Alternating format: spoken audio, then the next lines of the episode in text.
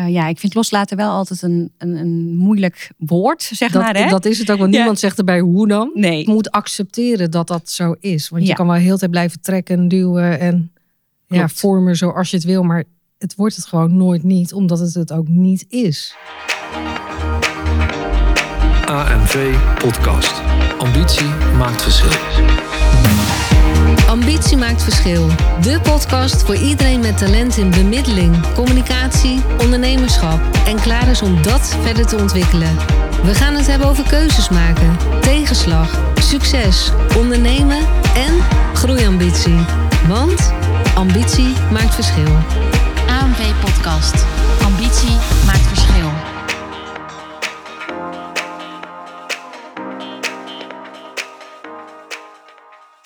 Van harte welkom bij een nieuwe aflevering van de podcast Ambitie maakt verschil. En deze keer ben ik in gesprek met uh, Mandy de Bruin. En zij gaat een uh, hele hoop vertellen. Maar ik geef eerst het woord aan haar. Mandy, wil je voor onze luisteraar jezelf even voorstellen?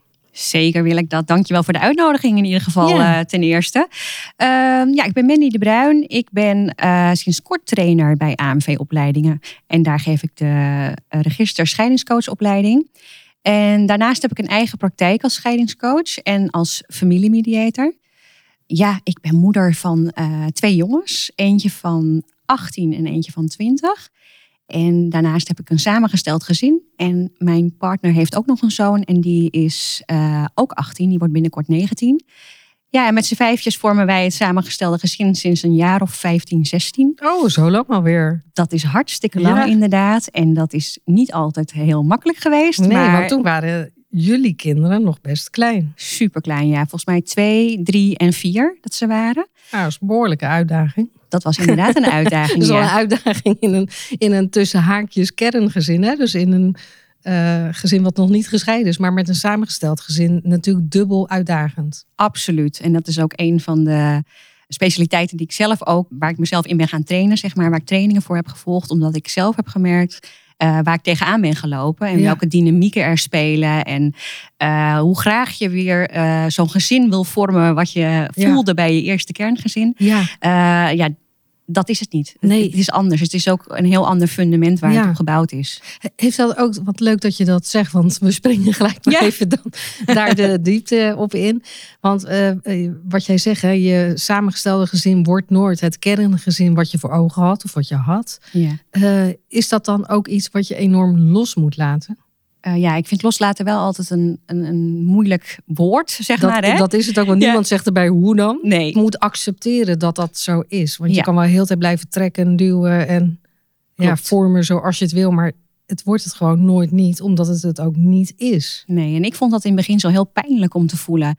Dat het die bloedband versus stiefband, zeg maar, dat is, dat is gewoon anders. Ja. En op het moment dat je een keus moet maken van, uh, ja, en dat klinkt misschien heel hard, uh, uh, mijn kind of zijn ja, kind of, bijvoorbeeld. Of jouw kind, ja, mijn ja. kind, jouw kind. Ja, het blijft wel. Het blijft een, een, een punt uh, uh, waar je echt aandacht aan moet besteden. Waar je soms ook echt wel hulp bij nodig hebt. Ja, ja ik vond in ieder geval hele lastige dynamieken die zich daar afspelen. Ook met jaloezie van de kinderen onderling. Ja. Ja, wie geeft je aandacht? Ja. En, en op het moment dat mijn man zeg maar meer aandacht gaf aan mijn kinderen, dan vond zijn kind dat heel lastig. En andersom ook, als ik Ja. dat deed.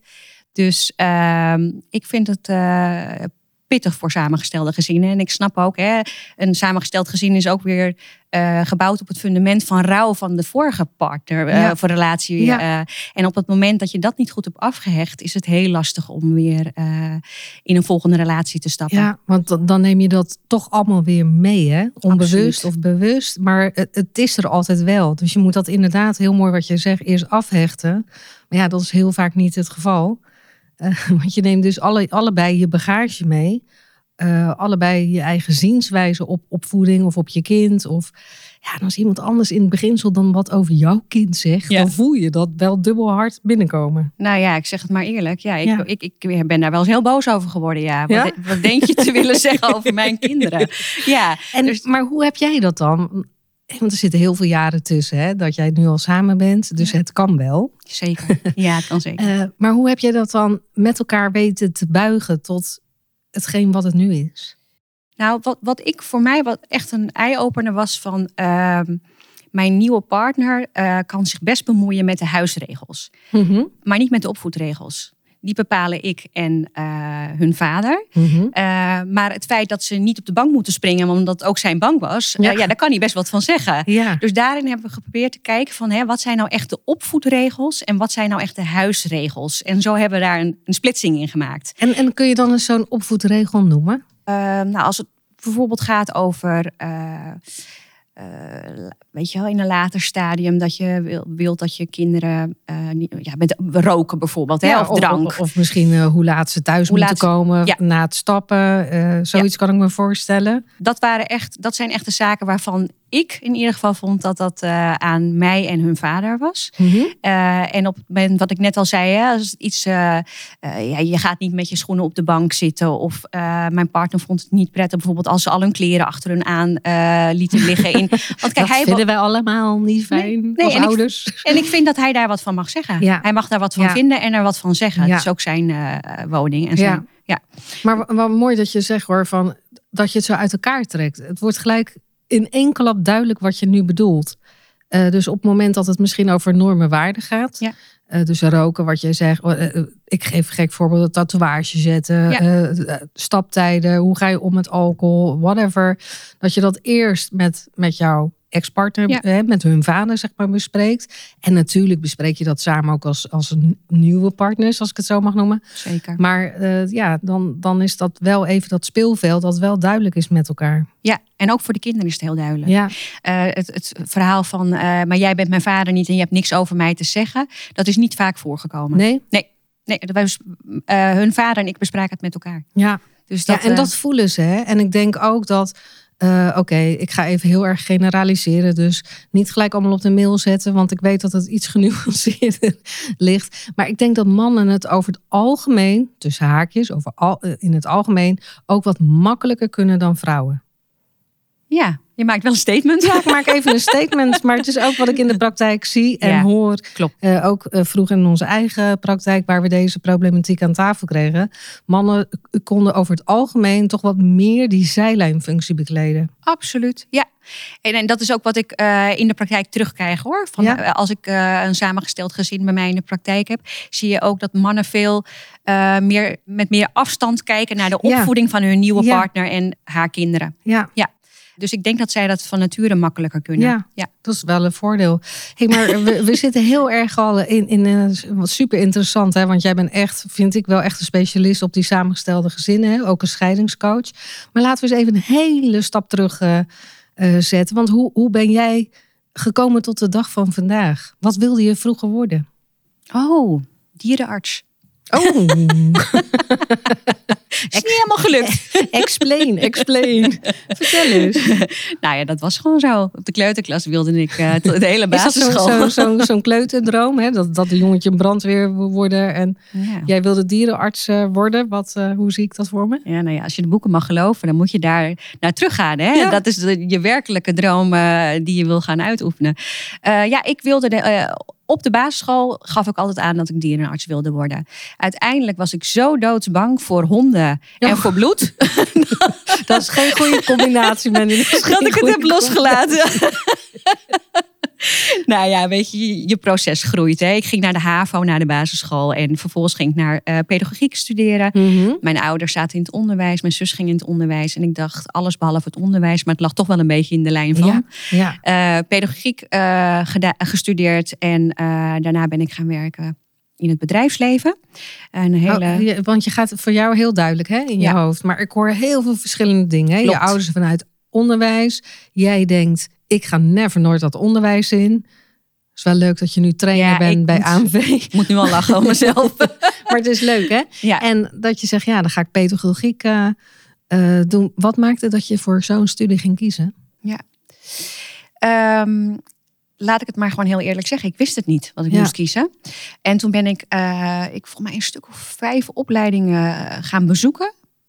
Eh, psychologie, psychosociaal werk, pedagogiek. Maar, maar toch die kant Ja, trekt jou dan aan. Hè? Je kan ook bedrijfseconoom, eh, eh, economie gaan volgen. Of weet ik het wat. Het, totaal andere...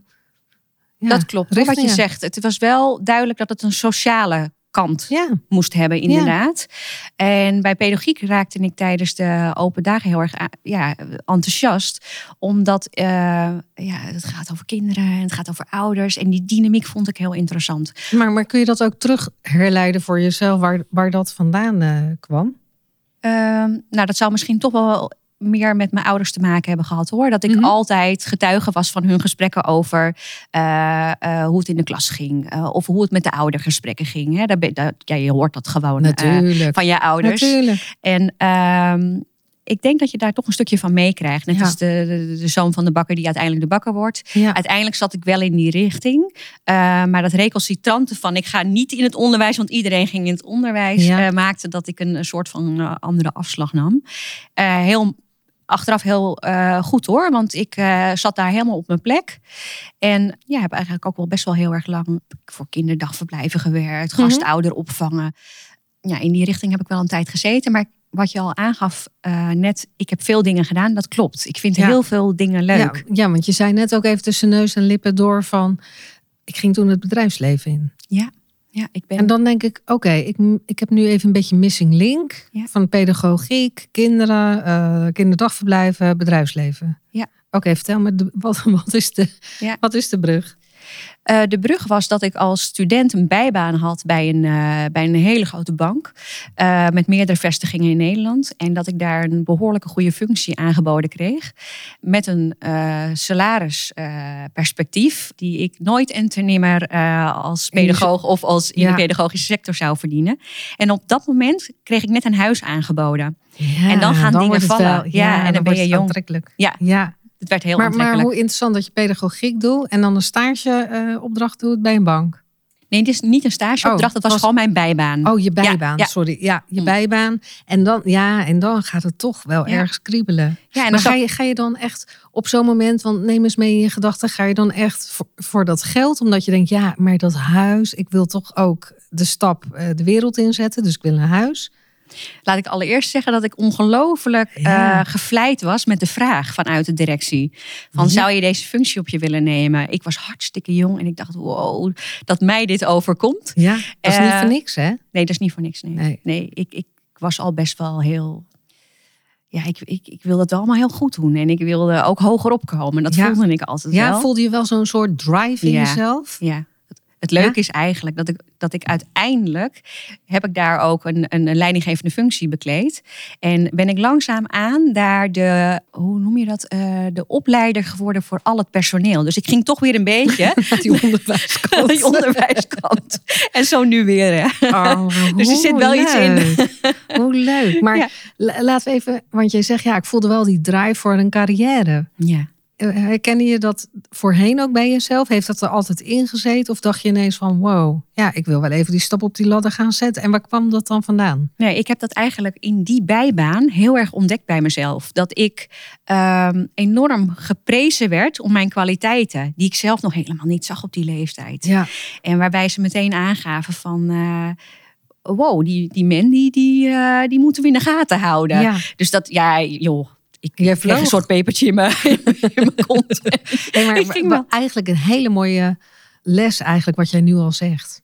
En misschien als luisteraar heb je dit ook al eh, gehoord. Maar hoor wat je zegt. Omdat ze jou gingen eh, beoordelen op je kwaliteiten. En niet gingen afvakkelen op wat je allemaal niet goed deed. Maar echt jouw talent al eh, zeg maar in het zonnetje gingen zetten. Ging jij eigenlijk nog meer vliegen. Nog meer...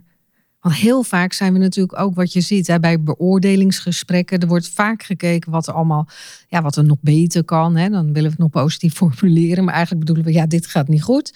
Maar dat, dat zo'n bedrijf of zo'n eh, leidinggevende misschien van jou destijds echt al zag van, joh, ik ga je gewoon puur. Ja, je hebt zoveel kwaliteiten. Daar gaan we naar kijken. Ja, en ook willen investeren. Dus eh, dit zien we Ja. in jou en eh, daar willen we naartoe met je. En wat heb jij daarvoor nodig? Ja, Dus ja, nou ja, dat we doen niet anders. Met dit soort vragen stellen aan onze Ja. coaches bijvoorbeeld. Hè? ja, Waar wil je naartoe? En ja, die kans kreeg ik ook. ja. Dus ik, die heb ik met beide handen aangepakt. Ja. En dat maakte dat ik daar, eh, ja, ik heb daar volgens mij een acht, negen jaar gewerkt. Oké, en, en toen? Want ja, je ambitie, eh, je bloed kruipt waar het niet gaan kan. Precies, ja. En dat is heel mooi dat je dat, dat je dat nu vraagt aan mij. Want uiteindelijk ga ik terug naar mijn vak als pedagoog. Mhm. En beland ik op een plek waar ik eh, voor mij was het een, een kinderdagverblijfcentra. En daar eh, ging ik video home training ge- geven. Ja. Dus dat betekent dat ik in gezinnen kwam en ging kijken. En dan ging, ging opnemen vooral. En daar de positieve punten uit ging pakken richting de, eh, het gezin. Of Ja. richting de ouders. ja, om te zo kijken. belangrijk Ja. ook. Hè? Heel mooi om te laten zien, om het visueel te maken. En ik weet dat ik eh, dat op dat moment, want volgens mij had ik toen ook al mijn eerste. eh, en op het moment dat ik mijn kind, eh, mijn eerste kind kreeg, voelde ik dat ik terug wilde. Naar de basis, naar mijn pedagogische kant, naar het sociale. Dus- ja. Dus toen ben ik uit het bedrijfsleven gestapt en teruggegaan. En, en- Naar mijn roots. Wat interessant eigenlijk, hè? Wat je zegt dat als je gaat bevallen of je krijgt je eerste kind, dat dat ineens aan je gaat trekken. bij mij wel. Wat, wat, wat zou er geweest zijn dan? Nou, ik werd wat zachter en wat warmer en ik wilde, eh, wilde eh, maatschappelijke betrokkenheid. Dus echt eh, meer die hulpverlenende kant. Ja, Ja, Ja. En ouders die strukkelen met, met de opvoeding, daar, daar wilde ik heel erg naartoe. ja, Ja. toch meer even wat meer van betekenis zijn dan, dan binnen het bankwezen, zeg maar, daar je carrièrepad vervolgen. Want daar liggen natuurlijk ook zat, zat, zat kansen. Maar Zeker. welk inzicht heeft jou toen veranderd? Zeg jij van, nou, weet je, ik kreeg mijn kind, ik wilde wat zachter worden, dus ik ging toch weer die kant op. Ja, of ik wat zachter wilde worden. Laat ik het anders zeggen, anders verwoorden. De, het bankwezen was echt een hele harde business. Ja, Met elke dag eh, targets, targets. eh, wou behaald zeggen, moesten worden. targets. Ja. Time, ja, time is money. En eh, daar, draait, daar word je ook op afgerekend gewoon. Zeker, ja. En ik merkte op een gegeven moment dat ik na mijn zwangerschapsverlof terugkwam, dat het niet helemaal meer bij me paste. Mhm. En dat ik ook niet meer helemaal binnen die groep paste, waarin mensen mij ook bestempelden als, oh, wat ben jij burgerlijk geworden? Dat waren dan grapjes. hè? Ja, maar maar ondertussen, ze wel. ondertussen gaan ze wel, eh, Ja. wel door. Ja, je leven eh, wordt echt. Nou Ja. ja. weet je, ik ben wel altijd een moeder geweest. Weet je, je leven gaat wel gewoon door met het krijgen van een kind. En mijn kind natuurlijk. mocht overal mee naartoe. Maar ik veranderde zelf wel intrinsiek. En ik kreeg andere eh, ja, belangen en andere eh, behoeften misschien ook behoeftes vooral. Ja. En, en, en dan zie ik jou zo zitten in zo'n baan binnen dat bank eh, gebeuren helemaal. En dan denk je, ja, die, die jas die pas je niet meer. Ja. En hoe, hoe gaat dat dan verder? Hoe rolt die bal in jouw leven door? Nou, allereerst het inleveren van mijn sleutels van mijn leaseauto. Mhm. Ja, want dat was in die tijd nog heel. eh, ik, ik, eh, ik herken het hoor. Binder did it. Dat, dat iedereen zei: waarom doe je dit? Ja. Dit Ja. is toch een kans, joh. Je hebt een secundaire arbeidsvoorwaarden, bla bla. En ik dacht, ik ben er gewoon klaar mee. En ik ben een gevoelsmens, dus wat op een gegeven moment niet meer goed voelt bij mij, daar, daar acteer ik ook op. Mhm. Dus ik eh, heb ontslag genomen bij eh, de bank. En ik ben eh, gaan solliciteren bij kindcentra, gastouderopvang, het ziekenhuis. oh joh, dus je, je hebt eerst je ontslag genomen en toen? Ja. Oh, wauw. Ja. Want heel vaak hoor je het natuurlijk andersom, hè? Dat mensen eerst gaan solliciteren. Ja, klopt. Gooi je geen oude schoenen weg, je kent het wel. En dat ze dan pas de stap durven te zetten. Ja. Als iets bij mij niet meer voegt en niet lekker voelt, dan loop ik er een tijdje tegenaan. En daarna dan is het ook klaar. Weet Ja. je? Dan, en dan kan ik ook niet meer blijven zitten. Nee, nee, nee, want dan, nee. Meteen actie eh, Ja, volgt er dan. Ja, Maar dat betekent wel dat ik even heb lopen sudderen. ja. En dat sudderen maakt dat ik dan in één keer de stap zet. Dus Ja. ja, ja en ik had eigenlijk binnen een maand een andere baan. Ja, Ja. ja en, dan, en, en dan ga je weer toch een beetje die kant ingetrokken worden waar Ja. je eigenlijk begonnen was. Ja. Ja. En wat, wat zag je daar? eh, wat, wat sprak jou aan in die wereld? Ehm, Buiten dat je mensen heel goed van dienst kan zijn, hè? Laat ik beginnen bij het bedrijf zelf. Dat ik eh, heel veel aansluiting voelde. Mhm. Dat ik voelde dat ik op een plek zat. En dat ik in deze fase van mijn leven meer de sociale kant of de sociale mensen fijn vond om om me heen te hebben. Mhm. Eh, en daarnaast was het een baan waarbij ik heel veel vrijheid kreeg. Dus ik had mijn eigen klantenbestand. En Mhm. ik, ik ging op huisbezoek en je onderhield een, een, een bepaald klantenbestand. En dat ik voelde me heel erg eh, van betekenis. Net eigenlijk gaf je het al Ja. aan. Hè? Ik zag ook heel veel ellende. Ja, Uh, maar ik kon me daar heel goed voor afschermen. En ik merkte ook dat ik dat eerder, tijdens mijn opleiding bijvoorbeeld, was ik een stuk jonger. Vond ik, kon ik daar veel eh, lastiger mee omgaan. Met het afschermen van die problematiek die dan in de gezinnen eh heerste. nou ja, kan ik me voorstellen. Want je ziet natuurlijk nogal wat, hè, jongens. Ja. Laten we daar even helder over zijn. En wat jij nu aangeeft, dat herken ik ook natuurlijk eh, van mezelf. Maar ik zie het ook bij oud-cursisten, die al hun eigen praktijk hebben. Dat dingen, ehm, en dat is niet onterecht, hè, want niks menselijks is ons vreemd. En, maar dat dingen je zo kunnen raken. Maar toch, professioneel gezien, moet je daar wel op een soort Mhm. afstand, gepaste afstand van blijven. Dat, dat je het niet onder je huid laat komen. Precies. Hoe heb jij dat geleerd? Nou, in, in, eerste instantie heel erg door te sparren en te, Mhm. eh, intervisie te houden met mijn eh, eh, collega's. Eh, dat hielp mij in ieder geval enorm om eh, ook bepaalde casussen te, te bespreken, bespreekbaar te maken. En ook mijn gevoel daarbij.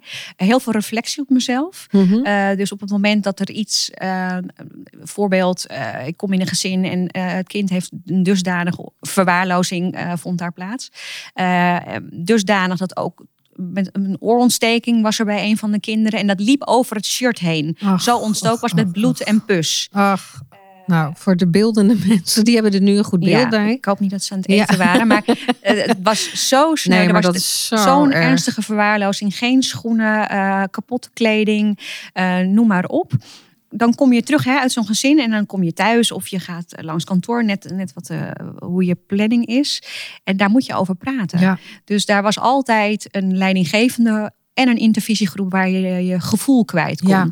En wat ik zelf altijd deed en wat ik tot de dag van vandaag nog steeds zelf doe en ook mijn coaches laat doen, is een reflectieverslag maken voor Ja. mezelf. Wat heeft het met me gedaan? Ja. Maar, maar voel je dan niet zo'n. Want je hebt zo'n vuur dan in jezelf. Hè? Als je dit werk doet, moet je een bepaalde passie ergens voor hebben. Voel je dan niet dat dat vuur aangaat, dat je er zo kwaad ook op kan worden? Ook. Ook, ook veel boosheid, maar Ja, vooral dat. van. Die eh, on- onmacht, weet je. Dat Ja. je denkt, oh jongens, jongens, wat zijn we aan het doen? Ja, en bij mij was het dan altijd heel sterk van, ja, nou, dat, dat ook hoor, maar jong. Ja. ja. Maar bij mij was het heel sterk van, eh, al help ik er maar één.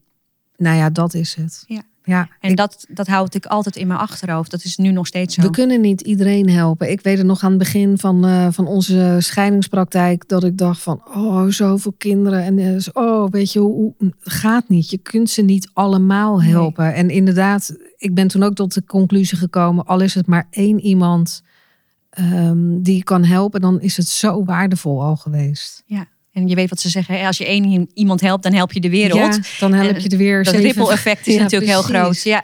Ja. Ja. En ja, en, en dan. Maar ja, het, het is wel belangrijk omdat ook in het werkveld waar, waar jij met name ook in zit, dat je dat heel goed dat onderscheid kunt maken. Dat je s'avonds kunt afschakelen.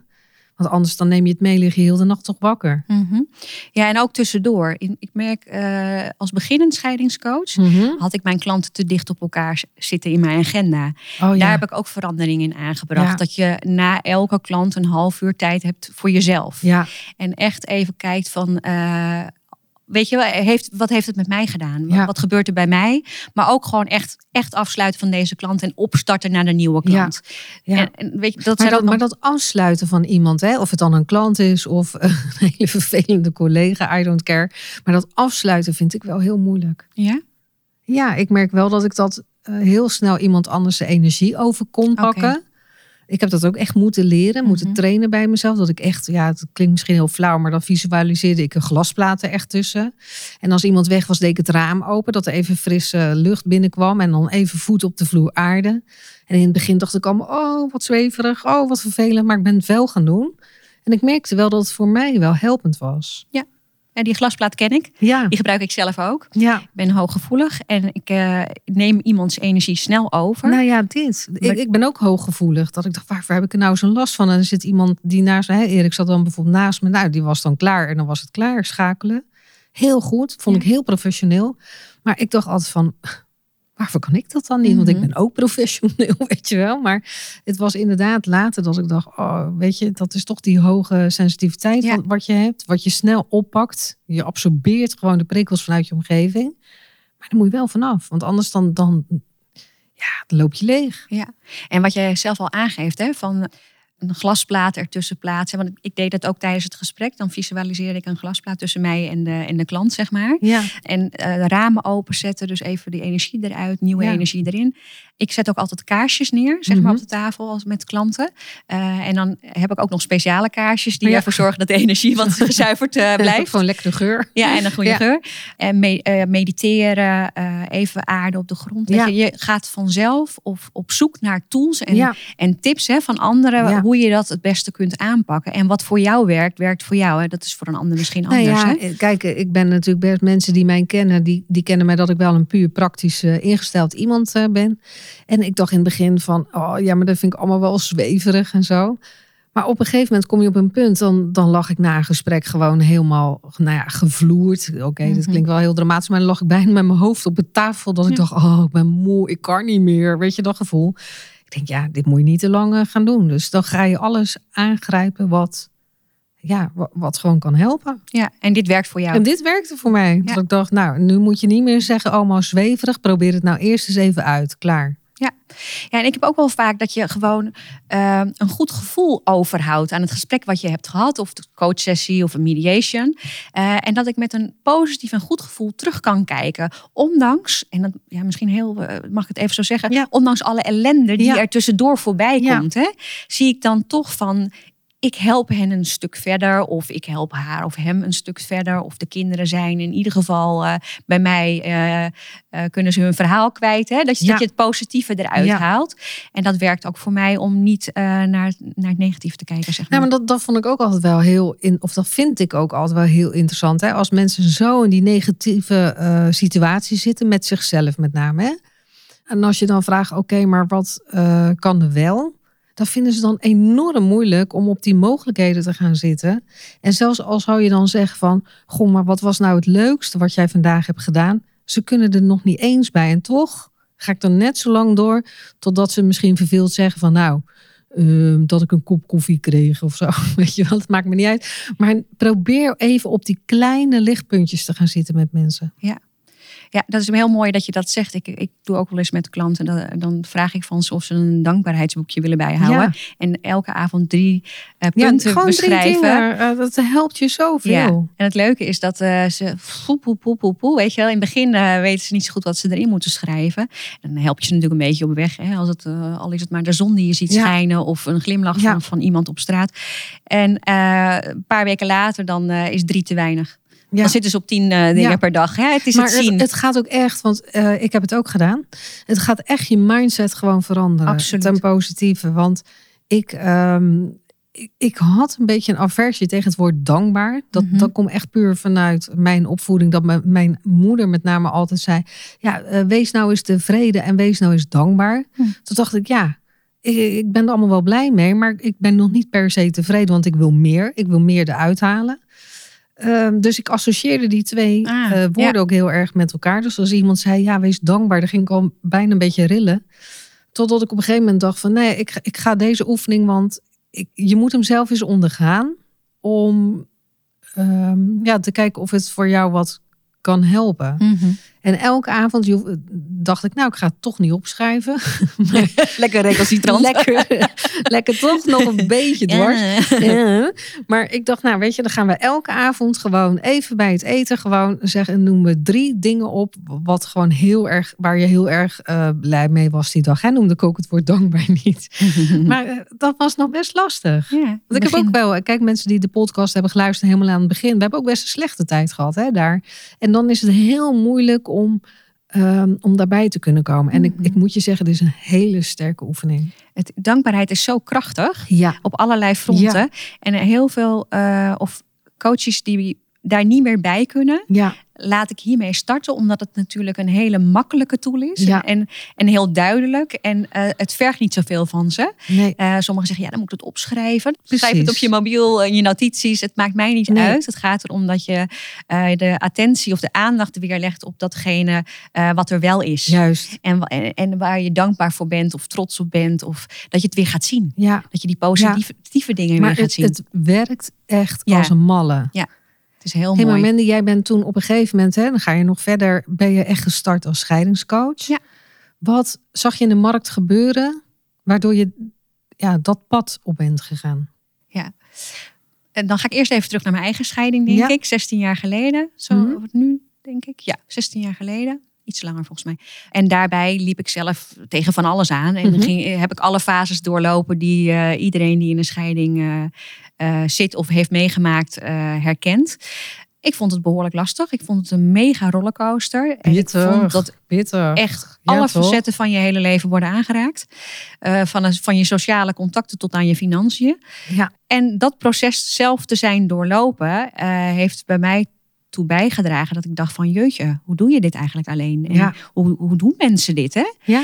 En eigenlijk eh, door mijn eigen proces ben ik erachter gekomen van dit is eigenlijk waar ik andere mensen in zou willen ondersteunen. In Ja. zou willen begeleiden.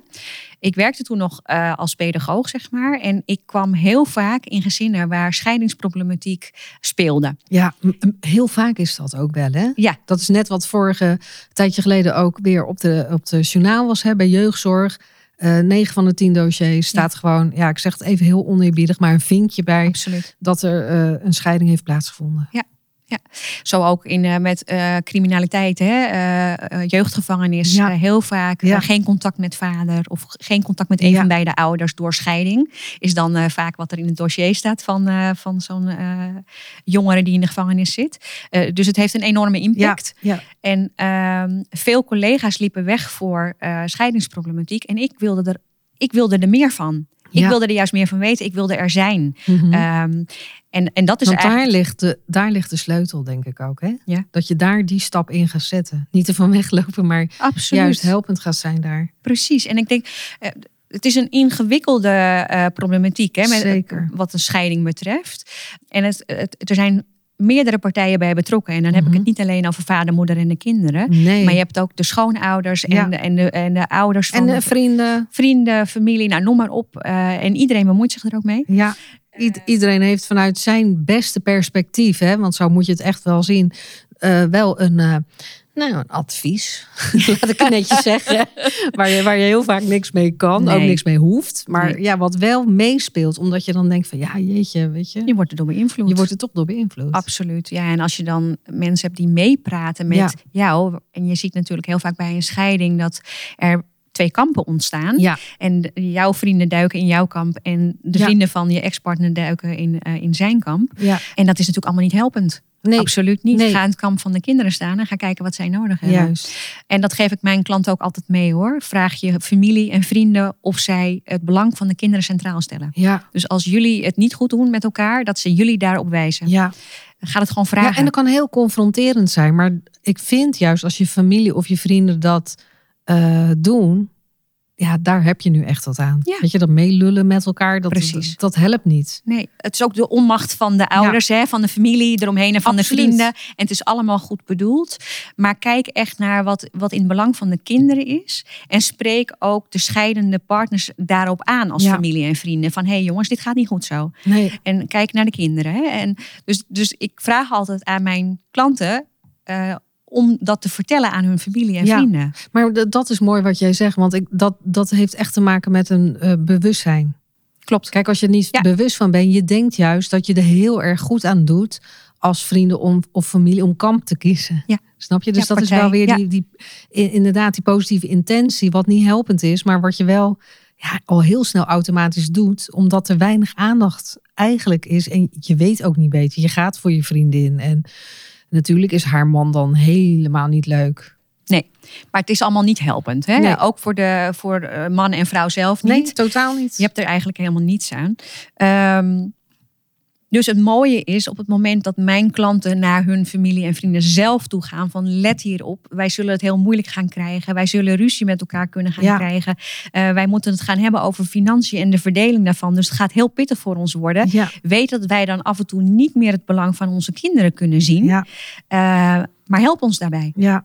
Ja maak ons, eh hou die spiegel voor. Spiegel voor. Ja, Absoluut. Wees even die liefdevolle schop onder iemand zijn kont. Ja. Want dat helpt je tenminste. Dat helpt. En Ja. daarmee kan je van zo'n onschatbare waarde zijn en steun voor de kinderen en voor de scheidende partijen. Nou ja, juist die stip op de horizon. Hè? En uiteindelijk doen we het natuurlijk wel voor kinderen. Weet je, die, die, die partners, dat gaat niet meer samen. Dat gaat niks worden, maar ze blijven wel, ja, eh, tot de dood u scheidt, ouders. Ouders. Want zo simpel eh, ligt het eigenlijk. Ja. Maar je bent voor jezelf begonnen als ondernemer. Ja. Hoe, hoe is dat als je vanuit het bedrijfsleven naar de pedagogiek, naar ondernemerschap gaat? Ja, ik denk dat het altijd wel eh, in de lijn der verwachting lag. Eh, Mhm. ik kon altijd moeilijk met een baas boven me.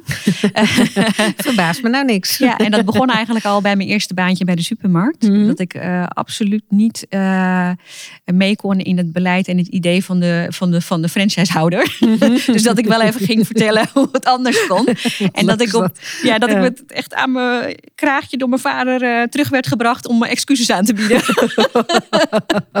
ja, en ik, ik, ik heb zoveel passie eh, ehm, en, en liefde voor mijn klant. Ik Mhm. wil het op mijn manier doen. Ja. En ik wil, ja, ik, ik- wil mijn eigen saus eroverheen Ja, gooien, zeg maar. Ehm, het ondernemerschap gaat me heel goed af. Ja, het is eigenlijk, eh, ik heb business coaching gehad. Maar, maar dat, dat ondernemerschap ga je heel goed af. Ehm, maar waar ben je misschien wel tegen aangelopen wat je van tevoren nog niet had voorzien? Dat je dacht, wow, als ik nu even terugkijk, dat had ik wel even in het ondernemerschap, hè, puur. Dat had ik wel even, nou, misschien even iets anders kunnen aanpakken. Mm, vind ik lastig. Ik, ik, zeg je nee? Het ging eigenlijk vanaf dag één. Nou, andere vraag dan. Hoe kwam je dan aan klanten? Want je schrijft je in bij de KVK. Nou, Ja. we weten allemaal, een KVK-inschrijving maakt je nog geen ondernemer. Nee, absoluut niet. Dus, dus wat is even die spin-off geweest dat je zegt, ja, Ja, nu komt die eerste klant binnen. Hoe, hoe kwam je daaraan?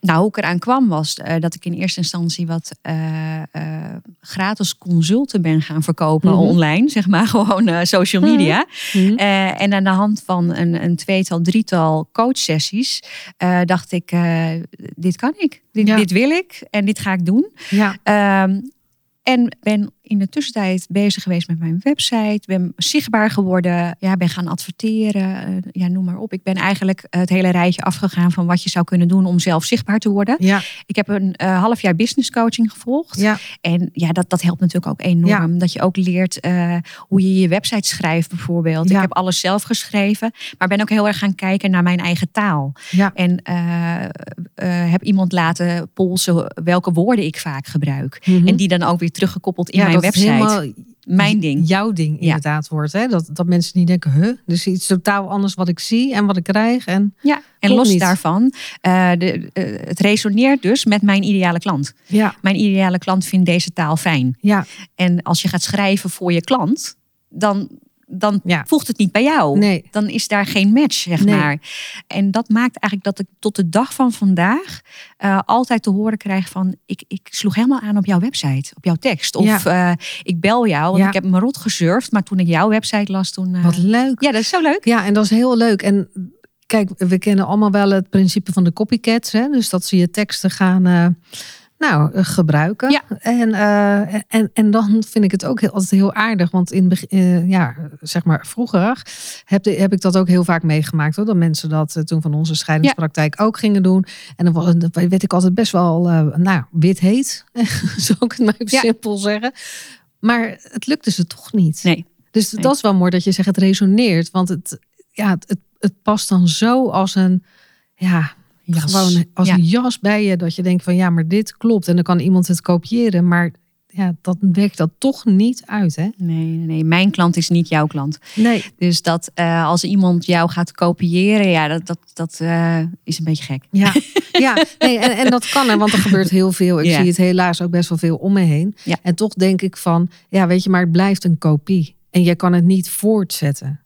Nee, en, wie, en welke klant komt er dan Ja. bij diegene? Ja, Niet de klant die bij diegene past. nee, Want dat is niet zijn Nee. of haar tekst. Nee, vandaar. En, en dan loopt dat proces ook niet.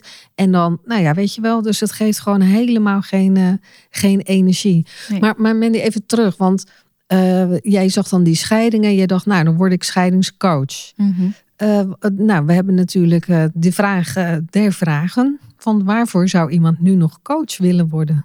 Want eh, de halve wereld is coach. En de ene helft co- coacht de andere. Ik denk dat jij die eh, uitspraak ook wel kent. Ja, klopt. Nou vind ik dat wat betreft scheidingscoaches niet hoor. Ik vind dat daar Ja. echt een schreeuwend tekort aan is. Ja, En eh, dat is ook de reden dat ik heel graag bijdraag aan de opleiding bij Ja. AMV.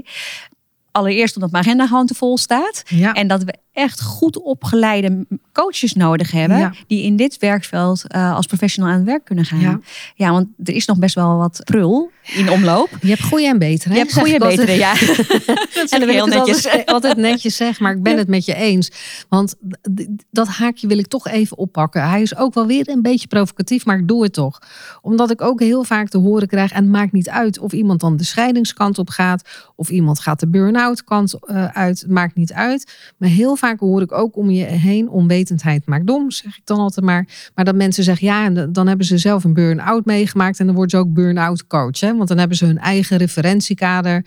Of eh, ze hebben bijvoorbeeld een, eh, vroeger op hun werk eh, of op het werk een, eh, een exitgesprek gehad met een arbeidsmediator. Nou, die, die deed eh, helemaal slecht. Vandaar dat ze besluiten, ik ga arbeidsmediation doen, want ik kan dat beter. Snap je even waar ik naartoe wil? Dus dat referentiekader wordt heel vaak daaraan gekoppeld. Terwijl je zoveel meer in je bagage moet hebben dan alleen je eigen situatie.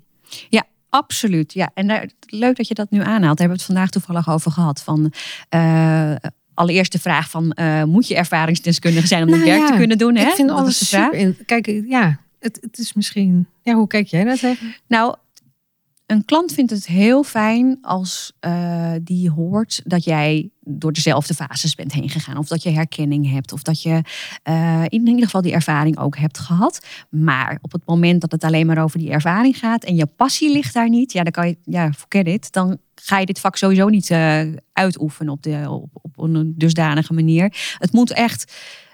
ik heb een bepaalde missie hè, en dat was heel krachtig bij mij van ik wil dat eigenlijk kinderen gewoon een er scheiden ontzettend veel mensen. En daar zijn heel veel kinderen eh, bij betrokken. Laten we er dan voor zorgen dat die kinderen nog steeds een onbezorgde jeugd kunnen hebben, ondanks hun scheiding. Ja, Nou, wat heb ik daarvoor nodig? De ouders. ja. Althans, zo zit ik erin. ja. Eh, en waar in het Maar de- verleden... bij, bij de ouders ligt de sleutel. Ja. We kunnen kinderen mijn- weerbaar maken, Ja. wat natuurlijk fantastisch is. Maar zodra die ouders blijven donderjagen met elkaar, ik zeg het maar even plat zoals het is, is dat niet heel erg ondersteunend. Nee. En dat is ook wat de prakt- praktijk uitwijst. Op het moment dat ouders weer, eh, eh, nou ja, laat ik het even bij het begin beginnen. Als zij in staat zijn om die partner of dat partnerstuk los te laten, hè, Mhm. af te hechten. En zij echt weer als samenwerkende of collegiaal ouderschap kunnen oppakken met elkaar. eh, dan zie je heel vaak dat hetgene wat ze hebben benoemd over het gedrag wat ze bij hun kinderen zien. Of wat niet lekker loopt met de kinderen. Dat dat zich ook oplost. Ja. Dus het gaat goed met de ouders, dan gaat het vaak ook goed met de kinderen. Ja. Eh, dus de bron voor mij is die ouders. Ja. Eh, en daar ben ik eigenlijk, dat is ook mijn missie geworden. Hè? Dat ik die kinderen er zo goed mogelijk doorheen wil eh, laten komen. En eh, als je die missie niet voelt zoals ik Ja. hem voel, dan lijkt het me lastig om het alleen op ervaring te doen. Nou ja, ik, ik persoonlijk ben van mening dat alleen op ervaring, eh dan ga je het niet redden. Nee. Je moet natuurlijk ook vakinhoud hebben, je moet vaardigheden hebben. je moet een hele, heel je attitude is gewoon belangrijk.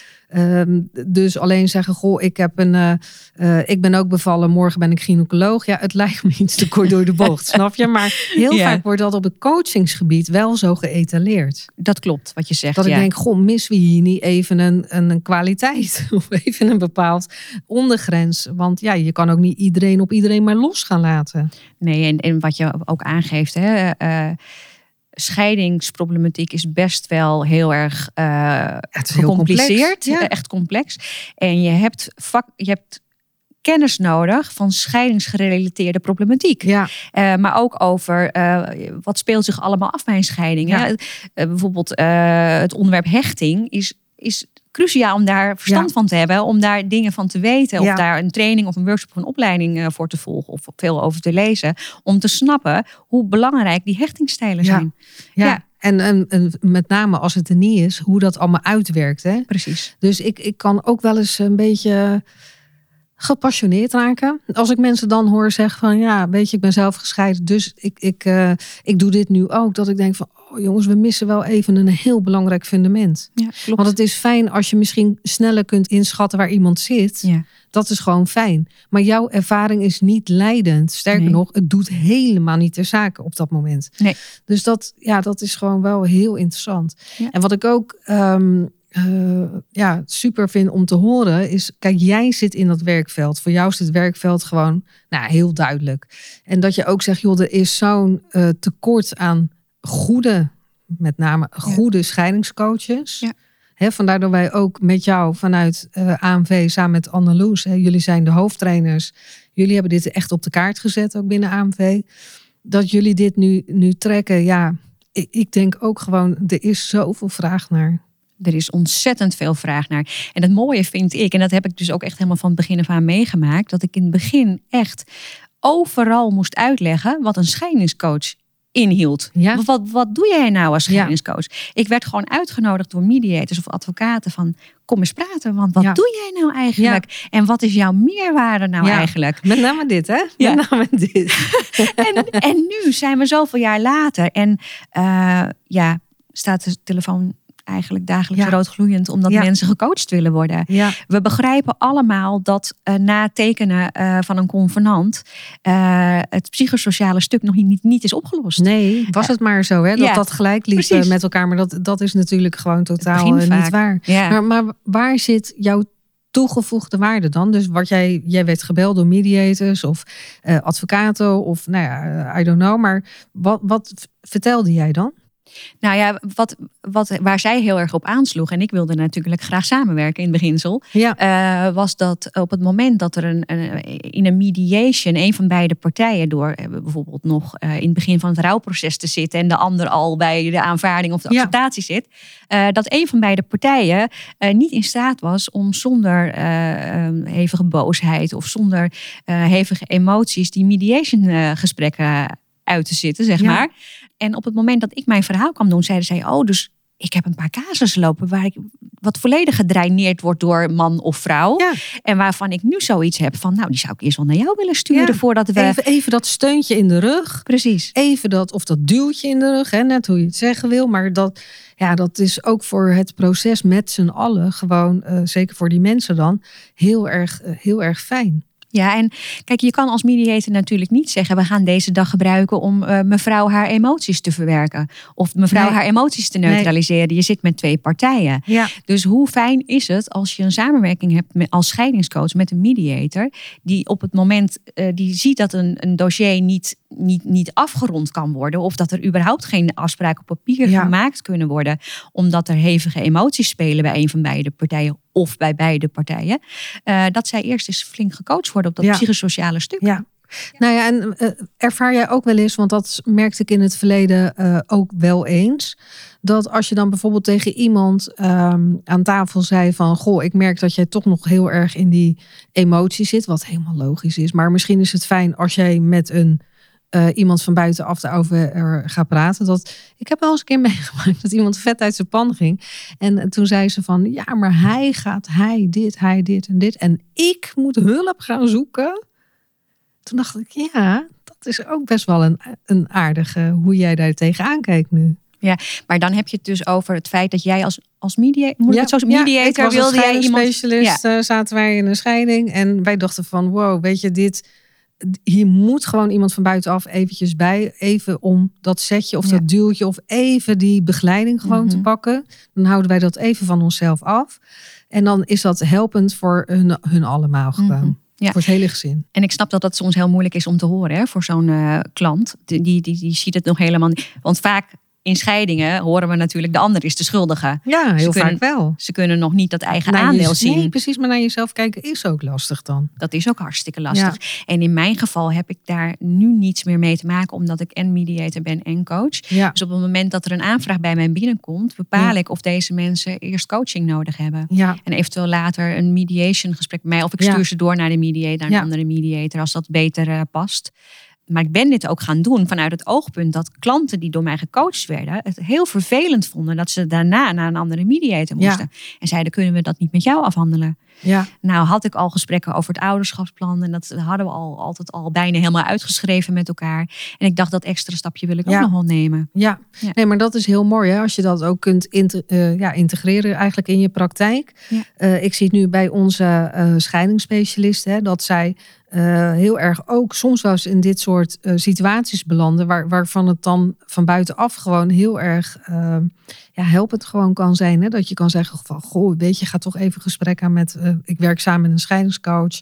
Dat je, dat je ja, met z'n allen in hetzelfde team zit. Juist voor die kinderen, om dan maar- weer terug te komen op jouw woorden. We zitten met z'n allen in een team van het kind. Absoluut, absoluut. En zo zie ik het ook. Ik, eh, sommige mensen, eh, coaches, die willen het graag allemaal bij zichzelf houden. Ik vind juist echt dat op het moment dat je samenwerking aangaat, dat er een meerwaarde ontstaat voor je klant en voor het kind dan uiteindelijk weer. Ja. Hè? Dus we, we hebben allemaal hetzelfde belang. Dit gezin moet eh, eh, zo goed mogelijk eruit komen, uit deze scheiding komen. Eh, moet als ouders voor de rest van hun leven verder. Want sommige Ja. mensen, ja, de rest van je leven. De, Ja, het is de rest zo. van je leven. En, en, uiteindelijk onder misschien kleinkinderen. En dan kan je niet samen bij dat wiegje staan. En zo gaat het verder. en, en, en we hebben elk jaar kerstmis Ja. en verjaardagen en van alles. En die kleinkinderen worden ook weer jarig. Het blijft allemaal zo gedoe, joh. het blijft echt een gedoe. Ja. Ja. En ik ken ze hoor, die al 25 jaar. eh, ja, en dan denk ik, hou er nou eens mee op. Ja, hou er nou eens mee op. Hou er gewoon mee Was het op. maar zo makkelijk. ja, nee, nee. nee. maar je hebt ook een eigen aandeel. Ik, ik denk, nee, het is zeker niet makkelijk. Ja. Maar ik denk wel, als je je eigen bereid bent om je eigen aandeel te zien. En echt bereid bent om dan te kijken van welke stap in het systeem kan ik veranderen. eh, ten positieve voor, voor alles. Welk stapje moet ik zetten? Ja, weet je, als, we samen, eh, als wij dan zelf een stap zetten, dan gaat de ander ook weer wat verzachten. Absoluut. Ja, actie-reactiepatroon. Daarom Ja. geven klanten vaak aan, kan ik wel in mijn eentje eh, een verandering teweeg brengen bij ons tweeën? Ja. bij twee partijen. Ja, dat kan. Ja, het is een actie-reactiepatroon. En als de een verandert, verandert de ander mee. Ja. Ja. En, en Mandy, ervaar jij nog, want dat, dan gaan we een beetje naar de afronding toe. Maar ik weet nog toen eh, wij onze eigen scheidingspraktijk hadden. En wij gingen ook scheidingsspecialisten opleiden. Dat mensen van buitenaf heel vaak tegen mij zeiden. eh, maar begrijp ik het dan goed dat jij je eigen concurrentie gaat opleiden? Oké, ja. Het is wel leuk dat je het aan mij vraagt, want ik geloof helemaal niet in concurrentie. Nou ja, wij, wij, wij zaten ook te kijken als een konijn in de koplampen van. Maar verklaar je, wat bedoel je nu? Ja, ja en, en bij mij, eh, dat is ook wat waar we het eerder over hadden. Hè? Eh, iedereen heeft zijn eigen klanten. Ja. Eh, mijn klant past niet bij jou waarschijnlijk. Dus vanuit dat oogpunt geloof ik niet in concurrentie. En daarnaast is er zoveel werk dat ik ook. Ik, ik moedig het alleen maar aan dat er meer coaches op Ja. de markt komen, meer scheidingscoaches op Ja. de markt komen. Ja, e- echt inderdaad gespecialiseerde. Ja. Goed dat je dat even aanhaalt. Ja, Eh, precies. eh, Precies dit, Goed hè? opgeleide scheidingscoaches. Ja. dat is goed dat je dat nog even Ja. benadrukt. Ja, Inderdaad. dat je echt gewoon gaat kwalificeren eh, op een onderwerp en dat je daar gewoon supergoed in gaat worden. Ja, en dat is. Ik ben eh, absoluut niet eh, bang voor concurrentie. Er zitten in mijn straat misschien of in mijn wijk wel drie supermarkten, maar ik ga toch altijd naar die ene. Ja, En zo werkt het ook bij ons als coaches. ja, Dus eh, nee, dat, ja, dat is een vraag. Dat is een vraag uit angst, hè? Ja. Niet een vraag uit liefde. ja. Ja. Maar, maar deze hoorde ik heel vaak en ik vond, hem, ik vond hem altijd heel bijzonder. Weet je, ik heb me er altijd een beetje over verwonderd. Dat ik dacht, goh, interessant, waar komt dit vandaan? Hoe word jij iedere dag een beetje beter, Mandy? Ja, ik ben wel heel erg van de persoonlijke ontwikkeling. Dus Mhm. elk jaar eh, heb ik een budget om mezelf eh, op allerlei fronten te ontwikkelen. En dat, dat doe ik, eh, dat vind ik ook ontzettend leuk om te doen. Dus het, het, zij een opleiding, een training of juist zelf weer een coachtraject volgen. Hè? Want dat vind ik ook heel belangrijk als coach. Dat je zelf ook gecoacht blijft Ja. worden. Ja, En ja, ik denk dat dat bij mij bijdraagt dat ik elk altijd weer een stukje beter word. En als ik mag terug mag kijken ehm, naar mijn beginfase als scheidingscoach, eh, is er wel heel veel veranderd bij mij. Ik, ik ben ook veel rustiger geworden in mijn rol als coach. Eh, en en eh, ja, ik vind het moeilijk om dat helemaal aan te geven. Ik denk dat het veel al te maken heeft met ervaring. Mhm. En eh, de duur eh, waarmee ik nu een praktijk als scheidingscoach heb. Eh, en daarnaast ook heel erg met die persoonlijke ontwikkeling die ik altijd blijf aangaan. En mezelf ook blij- blijf of laat coachen, zeg Ja. maar. Elk jaar wil ik toch wel een aantal Ja. coachgesprekken hebben om weer eventjes Een beetje op te rekken, hè? Op een beetje te rekken. stretchen. ja, maar ook ja, soms ehm, worden ook, ook bij mij stukken geraakt, bijvoorbeeld hè, in coachtrajecten. En daar reflecteer ik op. Maar daar kan ik soms ook nog wel eens wat hulp bij gebruiken. Ja. En dat maakt juist dat als je daarvoor open blijft staan, ook voor die ontwikkeling, dat je een steeds betere scheidingscoach kan worden. Ja. Dus, Nou. eh, en up-to-date blijven hè, over scheidings. eh, eh, nieuwe scheidingsinformatie op de markt of wat dan ook. Hè. Alles, alles. Ja. Als je goed wil worden in je vak, Ja. moet je les gaan geven. En dat is wat je nu doet. Dus waar je ooit begonnen was, het Ja. afzetten thuis bij je ouders. Ik ga niet in het onderwijs. Via heel Ja. veel om, omwegen. Mooi, Ja, zijn wij super blij dat jij dit, eh, eh, nou, wat ik al zei, ook op de kaart hebt eh, gezet binnen AMV. Omdat wij daar gewoon ook heilig in geloven dat de sleutel bij de ouders ligt. Ja. En hoe word je gewoon een hele goede gespecialiseerde coach hè, op, een, Mhm. op een vakgebied wat zo enorm ehm, uitgebreid is. Waar je Ja. echt gewoon jouw, ehm, ja, jouw stukken in kunt kiezen waar jij op wil specialiseren. En hoe mooi is dat? Dat is zeker heel mooi. Dat er Ja. zoveel stukken zijn waar je op kan specialiseren. Ja. Eh, de ene eh schijnscoach wordt samengesteld gezindcoach Ja. uiteindelijk. Of eh, specialisatie zoals ik heb in ouderonthechting. Dat is ook, ja, eh, ja, weet je, dat is ook het mooie, denk ik. Kies je niche. En Ja. Kies waar jij blij, waar, waar jij Ja, blij dat- of, of, of in dat- ieder geval waar je het. specialiseren. Ja. Dat is het. Ja. Is nog een vraag waar jij antwoord op had willen geven die ik jou niet heb gesteld? Mm, jeetje, dat is een mooie vraag. Ik vond het mooi om mee af te gaan ronden. Ja. Nou, ik zal je heel eerlijk zeggen, ik, ik, het gaat allemaal een beetje komen te flow, dit gesprek. En Ja. ik, ik heb me er nergens eh, van tevoren op voorbereid of over nagedacht. En eh, ik vond het gewoon een heerlijk gesprek. En ik denk dat ik, het, eh, dat ik geen vraag meer heb waarvan ik dacht, had hem mij gevraagd. Ja, Ja. vraag nou, vraag nou. Nee. Eh, maar Jan vroeg het niet. Ja, precies. Dat, dat moeten we helemaal niet hebben. Nee. Hey Manny, heel erg hartelijk bedankt. Ik denk dat in jouw verhaal al zoveel learnings zitten. Waar jij als luisteraar gewoon ook weer eh, ja, dingetjes uit kunt eh, halen. En waar jij over na mag gaan denken. En ik wil je hartelijk bedanken voor het gesprek. Jij bedankt. AMV Podcast. Ambitie maakt verschil. Dankjewel voor het luisteren. Uiteraard hopen wij dat jij hier nieuwe inspiratie of inzichten uit hebt gehaald voor weer een volgende stap. Als je met plezier hebt geluisterd en je bent nog niet geabonneerd op onze podcast, abonneer je dan via je favoriete podcast-app. Je kunt natuurlijk ook een review achterlaten. Daar zijn wij enorm blij mee. En als je vindt dat andere ondernemers naar deze podcast zouden moeten luisteren, deel deze podcast dan gerust met je netwerk. Wij zien nu al uit naar de volgende podcast. Dus graag tot de volgende keer. En weet, ambitie maakt verschil.